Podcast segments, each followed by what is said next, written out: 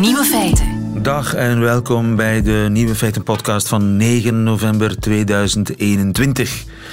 In het nieuws vandaag dat in de gevangenis van Oklahoma wel heel bijzondere martelpraktijken worden toegepast. Een paar mannen die in voorarrest zaten hebben een klacht ingediend. Ze beweren dat ze staand en met de handen geboeid op de rug urenlang keihard op repeat hiernaar moesten luisteren.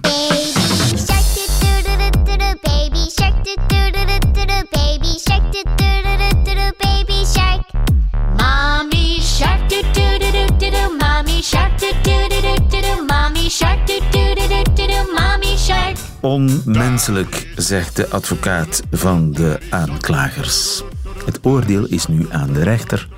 De andere nieuwe feiten vandaag. Limonade in de kleuterklas doet jongens beter en meisjes slechter presteren. De nieuwe feitenchecker ontmaskert een filmpje dat al 50 miljoen keer bekeken is. En in New York hebben wetenschappers uitgerekend hoeveel zelfbeheersing kost. De nieuwe feiten van Johan Terrein, die hoort u in zijn middagjournaal. Veel plezier. Nieuwe feiten. In de kleuterklas doet limonade jongens slechter presteren en meisjes beter, blijkt uit onderzoek van Christophe de Witte. Goedemiddag, professor de Witte. Goedemiddag. Onderwijseconoom aan de Universiteit van uh, Leuven.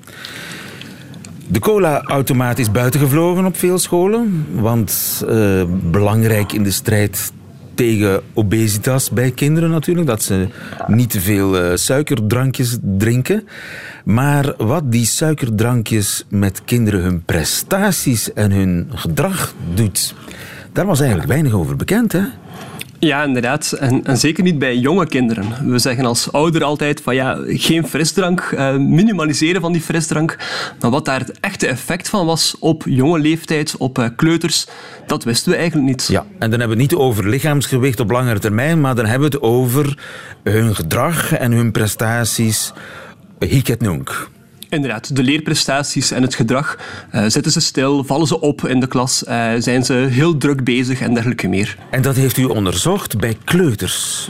Inderdaad, we zijn in de derde kleuterklas een experiment gaan doen. We zijn 25 klassen gerandomiseerd en echt op individueel niveau uh, kleuters toegewezen aan een, een, drankconditie, waarbij ze een, een, flesje frisdrank kregen. En een andere groep die kreeg aspartaan, dus waar er geen suiker in zit. Ja.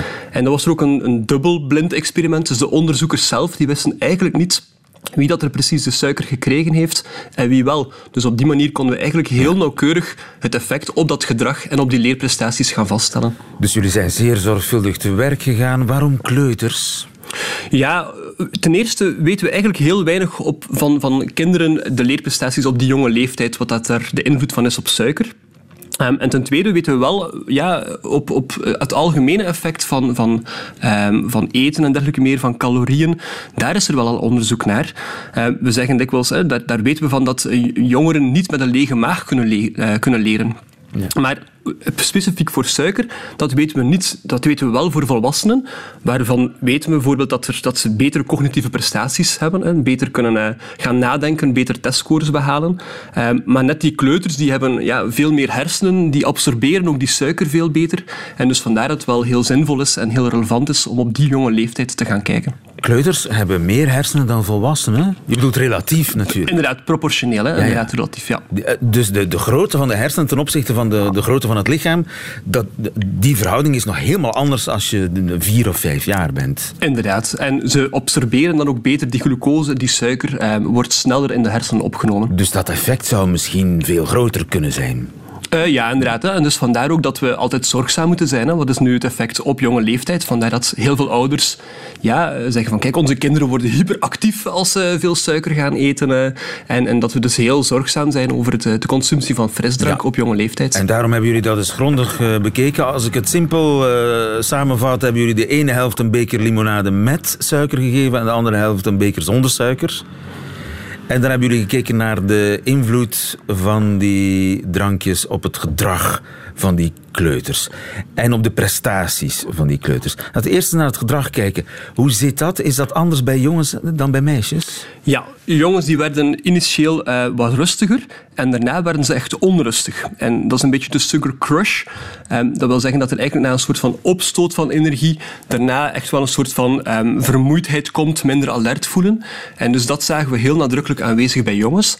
Bij meisjes vonden we geen effecten op, de, op het gedrag. Dus daar was er eigenlijk niks significant, niks merkbaar van verschillen bij die meisjes. Dus meisjes, op meisjes had het geen effect, op jongens had het eerst een relaxerend effect, maar daarna werden ze onrustig. Ja, inderdaad. En wat is daar de verklaring voor? Ja, we zien dat eigenlijk ook terug bij volwassenen. Um, bij volwassenen weten we eigenlijk dat, dat er een relatie is tussen stress um, en suiker.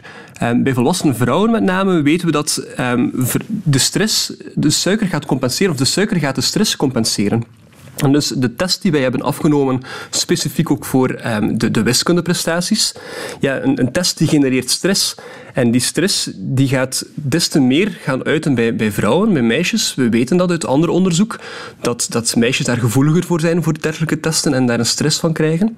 En daar gaat die suiker meer gaan compenseren. En dat verklaart dus mee die prestaties en verklaart ook mee dat gedrag die we observeren. Ja, dus want als we het over het gedrag hebben, uh, dan is suiker in eerste instantie kalmerend. Want ja, het is een soort troost die je eruit krijgt, neem ik aan. Maar daarna... En waarom werden ze daarna onrustiger? Hebben daar enige verklaring voor? Ja, dat is die vermoeidheid en die minder alertheid. Hè. Dat is echt de, de sugar crush die algemeen geobserveerd wordt. Dus na dat piekje krijg je dat dipje. En dus um, dat is iets wat dat we algemeen zien als effect van suiker. En ja, dat, dat manifesteert zich ook bij die kleuters, ja. inderdaad. Ja. Nu, dat, dat, dat, hebben, dat is de, de, het gedrag. Nu, de prestatie. Jullie hebben hen een soort taak gegeven. Ja, we hebben een soort van gevalideerde test uh, afgenomen. Dat is een test die ontwikkeld is door het Nederlandse CITO, een testinstituut, en die echt specifiek gericht is voor kleuters. Um, en dus vandaar dat we eigenlijk... Een soort wiskunde voor kleuters? Wiskunde voor kleuters. Okay. En bijvoorbeeld, uh, de kleuters die kregen bepaalde prentjes te zien.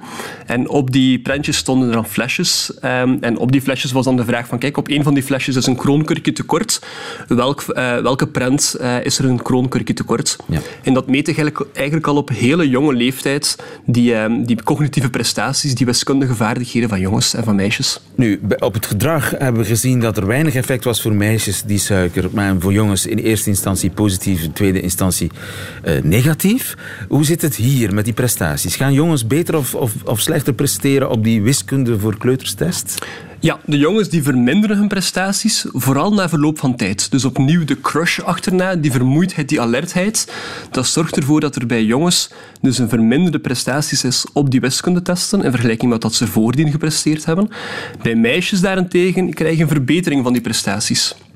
En dat wijten we dus inderdaad aan die, die relatie tussen die stress um, en die suikerconsumptie, die dus bij, bij meisjes en bij volwassen vrouwen um, zeker al onderzocht is en die dus een, een vorm van ja, compensatie biedt uh, tegen elkaar.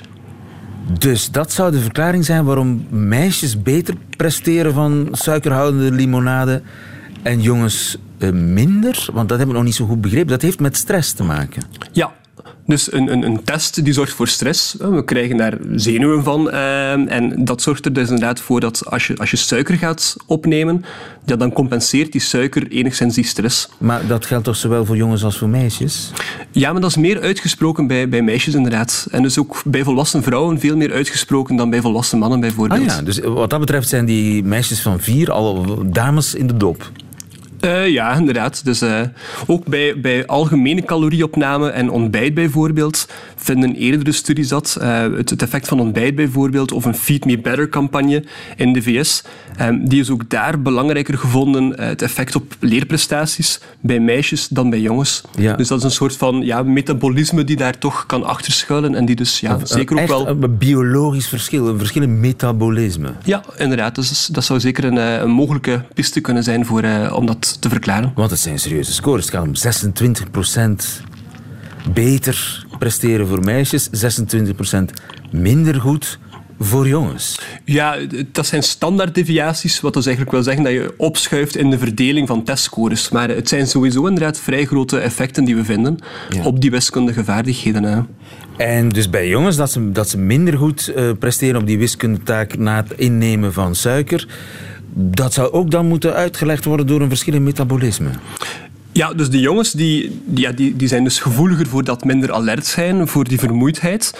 Ze worden daarna ook onrustiger. En ja, natuurlijk, als je onrustiger bent, als je zenuwachtiger bent, eh, meer rondkijkt, eh, sneller recht springt en dergelijke meer, verklaart dat inderdaad ook mee die, eh, die, die lagere prestaties voor die wiskunde. Ja, wat moeten we daar nu uit uh, besluiten? Dat we de, de limonade eerder aan de meisjes geven als ze moeten studeren? Ja, we moeten toch besluiten dat, er, dat we echt met zorg moeten kijken naar die suikerconsumptie. Um, in, in België bijvoorbeeld gaat 25% van onze 11-jarigen minstens één keer per dag een uh, frisdrank drinken. Eén op de drie van de 15-jarigen drinkt frisdrank op regelmatige tijdstippen. Um, er is ook veel meer suikerconsumptie bij kansarme leerlingen en bij jongens. En dus we moeten toch echt wel met zorg gaan kijken naar, naar die suikerconsumptie. Niet alleen omwille van de obesitas en, en de langetermijngevolgen, maar ook omwille van ja, de schoolse prestaties. Dat het, het, het, rustig blijven in de klas, de gedragselementen, die kunnen zorgen voor eh, moeilijkheden bij klasmanagement bijvoorbeeld. Ja, hè, en dat met name dan vooral bij jongens. En met name bij jongens inderdaad, ja. Dankjewel Helder, dank voor dit uh, gesprek en dank ook voor uh, dit onderzoek. Christophe de Witte, goedemiddag. Bedankt.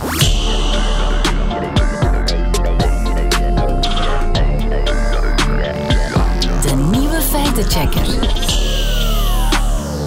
Rien Emery gaat voor u op zoek naar de waarheid en niets dan de waarheid. Op zoek naar de feiten achter de fabels. Hij zit hier te knikken. Goedemiddag, Rien. Goedemiddag. Rien, ik heb jou deze week een opdracht gegeven. Checken of een welbepaald filmpje echt is of fake. Het is een filmpje dat miljoenen keer ik denk 22 miljoen keer op Facebook is bekeken en 34 miljoen keer op TikTok. Dat is heel veel. Dat is heel veel. Dat zijn cijfers waar zelfs Paul Jambers van duizelt. Van duizelt. Het lijkt gemaakt door een passagier op een vliegtuig dat vertrekkens klaar is, maar er is een probleem. Op de middengang is er een grote discussie aan de gang tussen een passagier en een stewardess. Uh, de vrouw eist een andere zitplaats want haar buurman is niet gevaccineerd. Laten we eens naar het filmpje kijken, voor zover dat mogelijk is op de radio. Laten we eens naar luisteren. I'm, I'm not sitting here. It's not safe. He's, he's violating our rights and our safety. I asked him for his vaccine card, and he doesn't have one because he's not vaccinated. I'm not gonna sit there. Ja, en die discussie gaat minutenlang door. Ongeveer twee minuten lang. De vrouw dreigt ermee om de politie te bellen. I'm gonna call the cops. Inderdaad. De stewardess zegt dat ook uh, ongevaccineerden mogen vliegen, zegt ze heel rustig. Die discussie duurt dus minuten en dan komt de piloot tussen beiden. There will be no discrimination on my aircraft. Well, it's not discrimination. Vaccinated or unvaccinated, we should respect each other. yes. And as it seems, you have trouble doing that.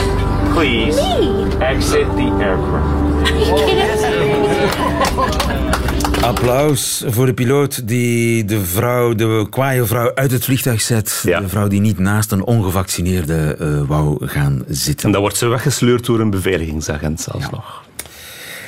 Ik had mijn twijfels over de echtheid van dit filmpje. Jij hebt het gecheckt. Hoe ben je daarbij te werk gegaan? Ja, eh, ik had ook mijn twijfels. En veel mensen ook. eh, Die, die reageerden erop van... Weet je waarom?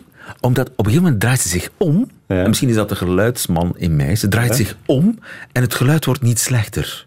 Ja, Dus het is zogezegd gefilmd door een andere passagier drie rijen achter die vrouw. met zijn smartphonecamera. Een smartphonecamera.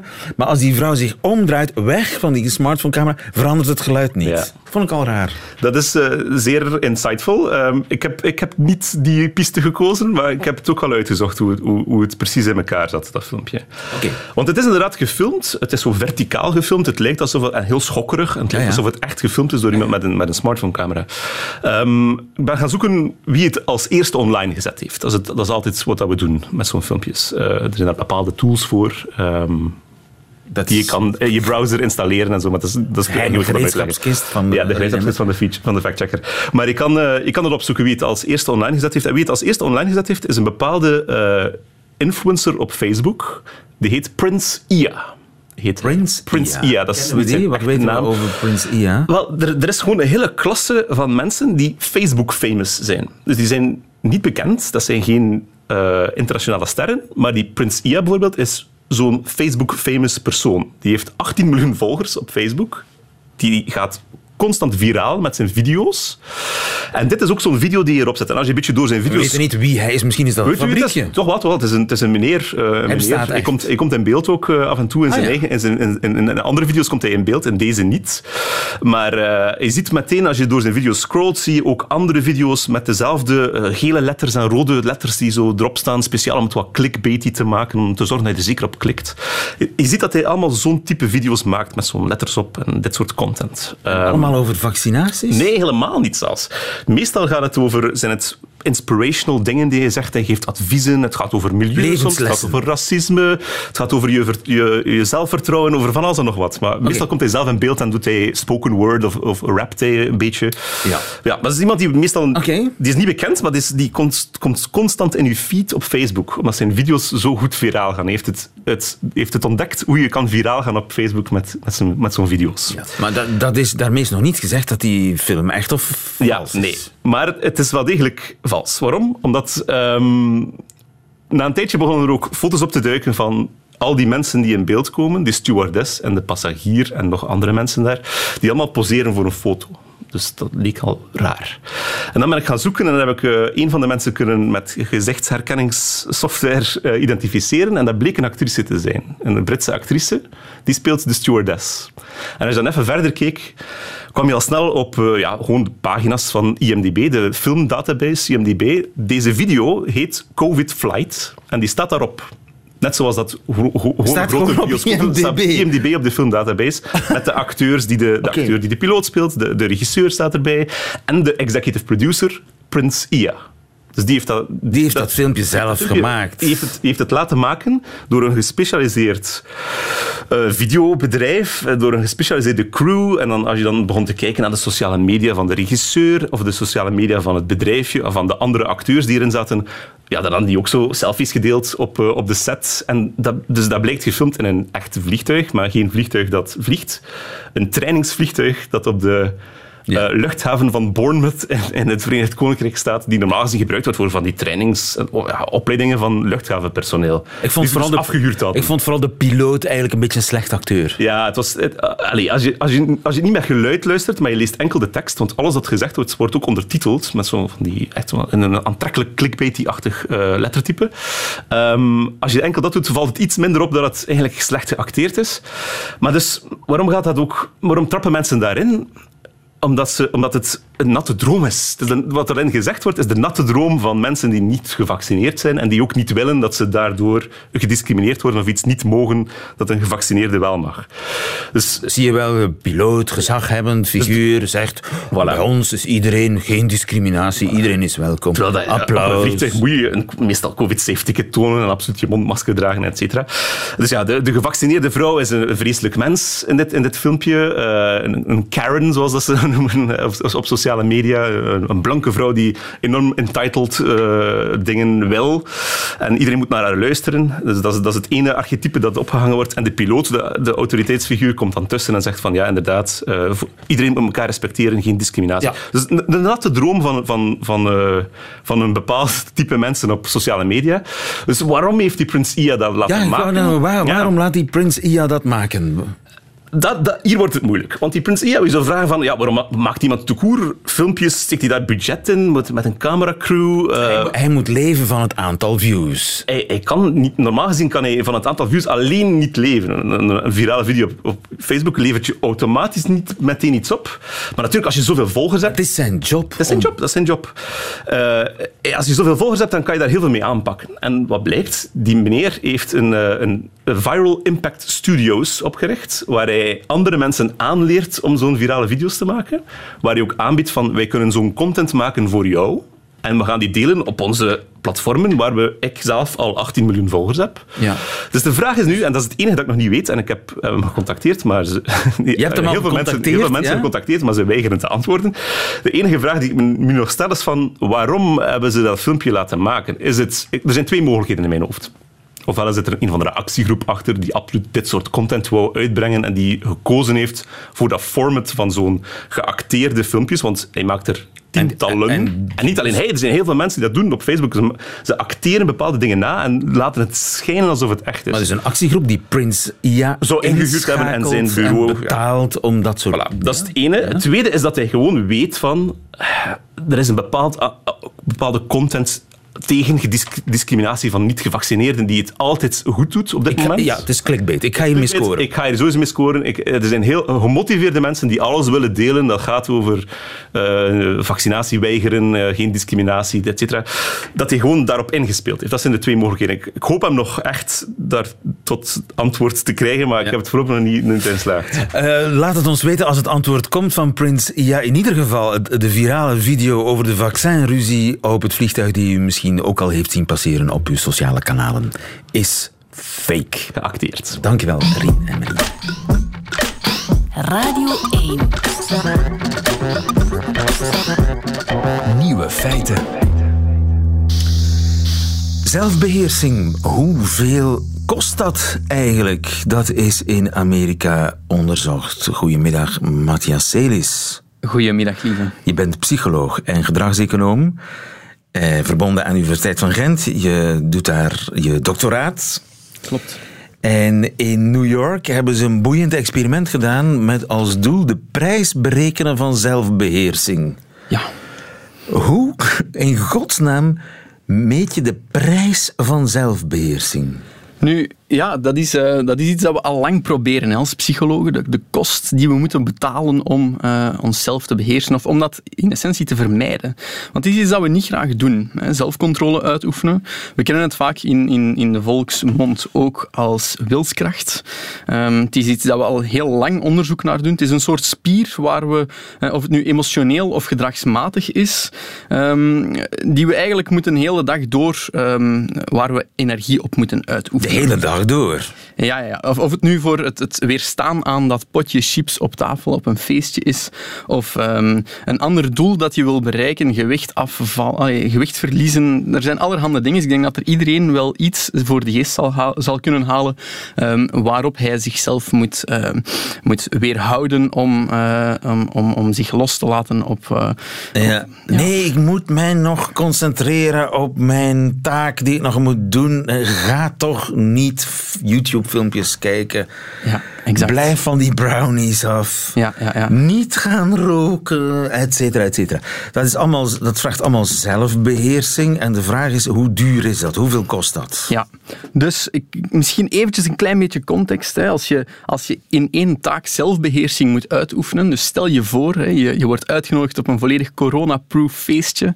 Ehm, je stapt daar binnen, allemaal leuke mensen er staan, hapjes op tafel. Je bent op dieet en hè, dat potje met chips, dat, dat trekt je aandacht. Je, hè, je zelfcontrole moet je onder bedwang houden. Je bent gelukkig sterk genoeg om te weerstaan aan de verleiding, maar hè, zonder dat je het beseft, tast je eigenlijk je vermogen om later jezelf te beheersen ook aan.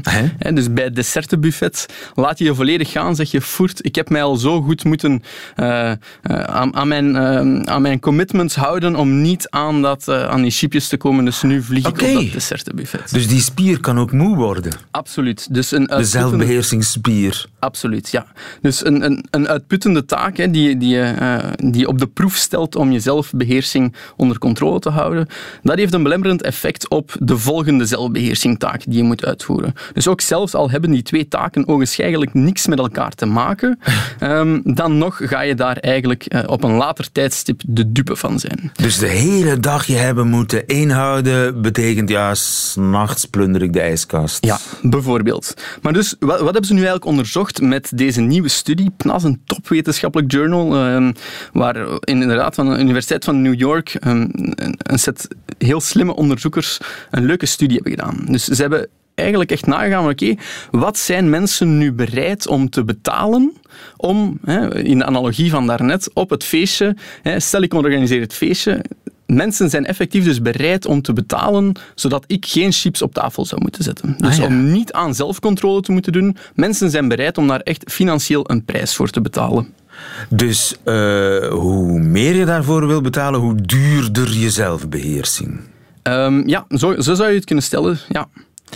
Eh, maar verschilt dat niet heel erg van mens tot mens? Absoluut. Ehm, het is, is, ja, een beetje als pijn ook. Hè. Dat, is moeilijk om te kwantificeren. Hè. De pijngrens van vrouwen verschilt tegenover mannen. En dan binnen groepen mannen en vrouwen is dat nog eens eh, enorm verschillend. En hetzelfde gel- geldt een beetje voor zelfbeheersing. Dat is moeilijk om daar een, een, een getal op te plakken. En vandaar dat dat tot op heden eh, nog niet echt deftig onderzocht is kunnen worden. Er is heel veel onderzoek naar zelfcontrole. Maar die kwantificering, hoeveel kost ons dat en wat is het ons waard, ehm, dat is eigenlijk het, nieuwe dat hier onderzocht werd. Ze hebben dat een beetje gedaan als ehm, een, redelijk bekend experiment, het Marshmallow-experiment uit 1960, waarbij ze aan vierjarige kinderen ehm, een marshmallow gaven en dan zeiden van, ah, kijk, je mag er gedurende een kwartier of een half uur niet aankomen en als ik terugkom, ehm, dan krijg je er twee. Je mag, er, je mag het opeten, maar dan krijg je natuurlijk geen twee marshmallows na, het, na de wachttijd.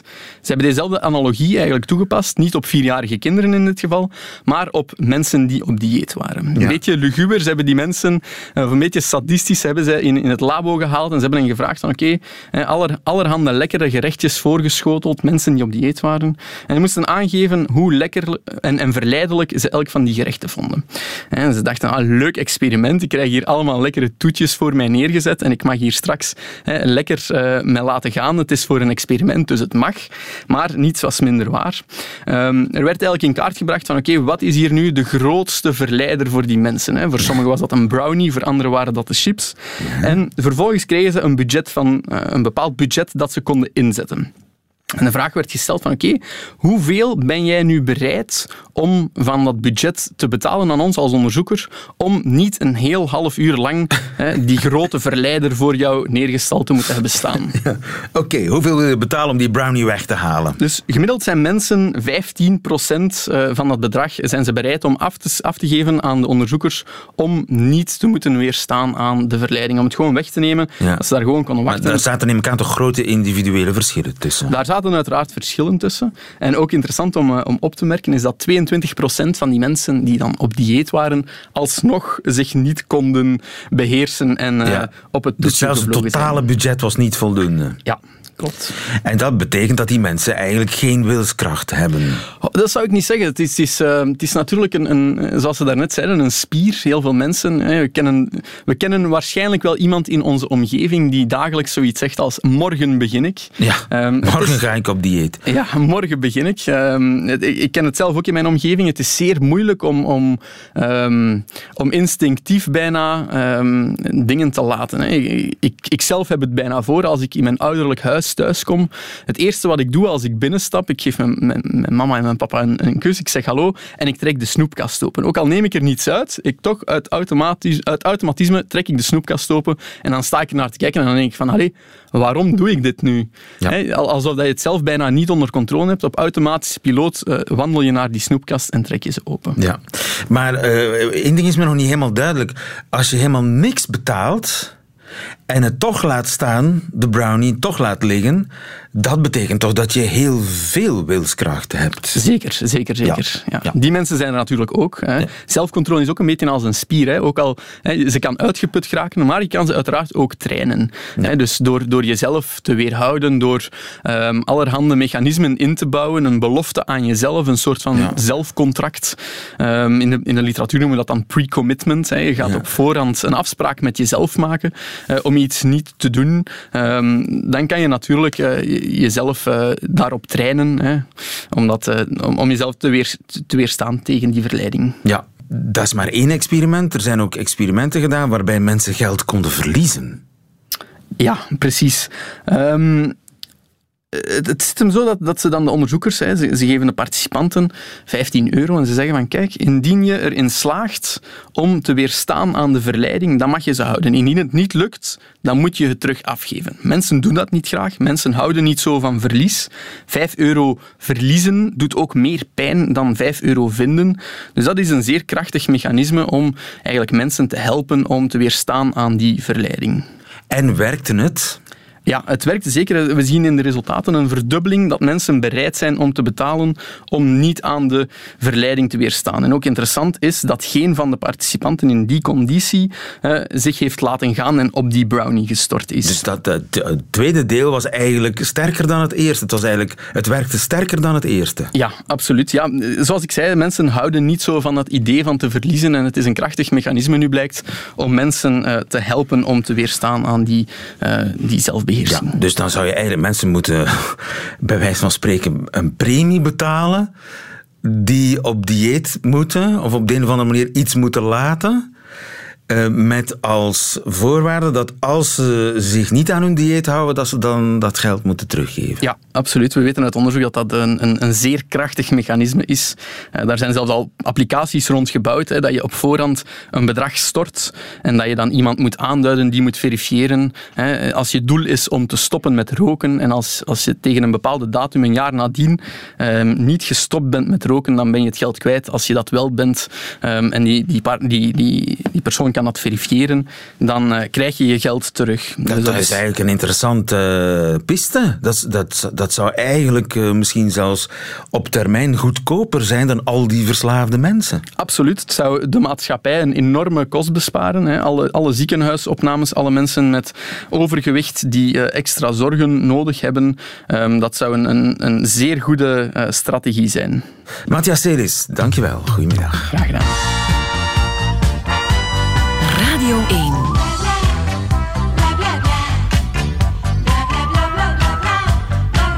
1. Nieuwe feiten. Ziezo, dat waren ze, de nieuwe feiten van 9 november 2021. Alleen nog die van Johan Terrein nu, in zijn middagjournaal. Nieuwe feiten. Middagjournaal. Beste luisteraar. Ik weet niet hoe dat bij u zit, maar ik heb het echt lastig als ik mijn gedrag moet aanpassen. Bijvoorbeeld toen ik vernam dat je je mond eigenlijk best niet spoelt na het tandenpoetsen, omdat de tandpasta dan nog een tijdje kan nawerken op je gebit. Tuurlijk, dacht ik. De logica zelf. Om mij er vervolgens op te betrappen dat ik mijn mond al aan het spoelen was uit gewoonte. Elke keer opnieuw bedenk ik te laat, nee, niet spoelen. Ik denk dat het mij nog maar één keer is gelukt om ongespoeld te gaan slapen. Je gedrag veranderen is rete moeilijk. Nu bestaan er allerlei psychologische technieken en creatieve trucjes waardoor mensen gestimuleerd worden om betere of gezondere keuzes te maken. In de gedragswetenschappen heet dat nudging. Zet een kartonnen flik langs de weg en we gaan trager rijden. Plaats een vlieg in het urinoir en we gaan beter mikken. Laat een vuilbak dank u wel zeggen en je dropt er met plezier je afval. Dit zijn trouwens de betere voorbeelden, want ik heb ook al aardig wat blikjes in de berm zien werpen in een poging om ze in dat opgespannen vlindernet te mikken. Niet iedereen is overal even goed in.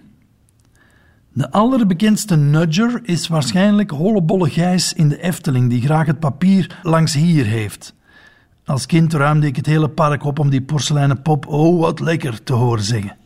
Maar mijn vraag is, hoe lang heeft dat nudgen effect? Eens je weet dat die flik van karton is en, en je die vlieg niet echt kan laten opvliegen, dan stopt het toch? Eens je dat pianogejengel op de trappen van de metro beu bent, neem je toch gewoon weer de roltrap? Misschien is dat de reden dat Hollebolle Gijs onlangs vuile woordjes is beginnen zeggen. Als een soort van nieuwe prikkel om papier en afval aan te trekken, riep hij onlangs: Oh, wat lekker, hé, fijn, seks, seks. Wacht, ik laat het u even horen, dat u zich ervan kan vergewissen. Oh, wat lekker. Fijn. Thanks. Thanks. Officieel zegt Geile Gijs thanks. In het Hollands-Engels klinkt dat als shanks. Maar je kan er niet naast horen dat het klinkt als seks. Het zal zijn nudging-effect op al die grote kinderen met rode oortjes wel niet missen. Het pretpark is wellicht nog nooit zo proper geweest. En nu zoek ik dus nog een goede nudge om te voorkomen dat ik mijn mond spoel na het tandenpoetsen. Alle ideeën zijn welkom.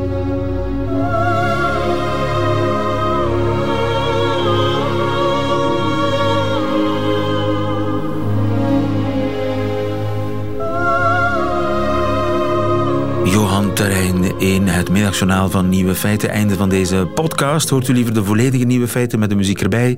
Dat kan natuurlijk elke werkdag tussen 12 en 1 op de radio, Radio 1. Of via onze website in uitgesteld relais. Of via de Radio 1 app. Tot een volgende keer.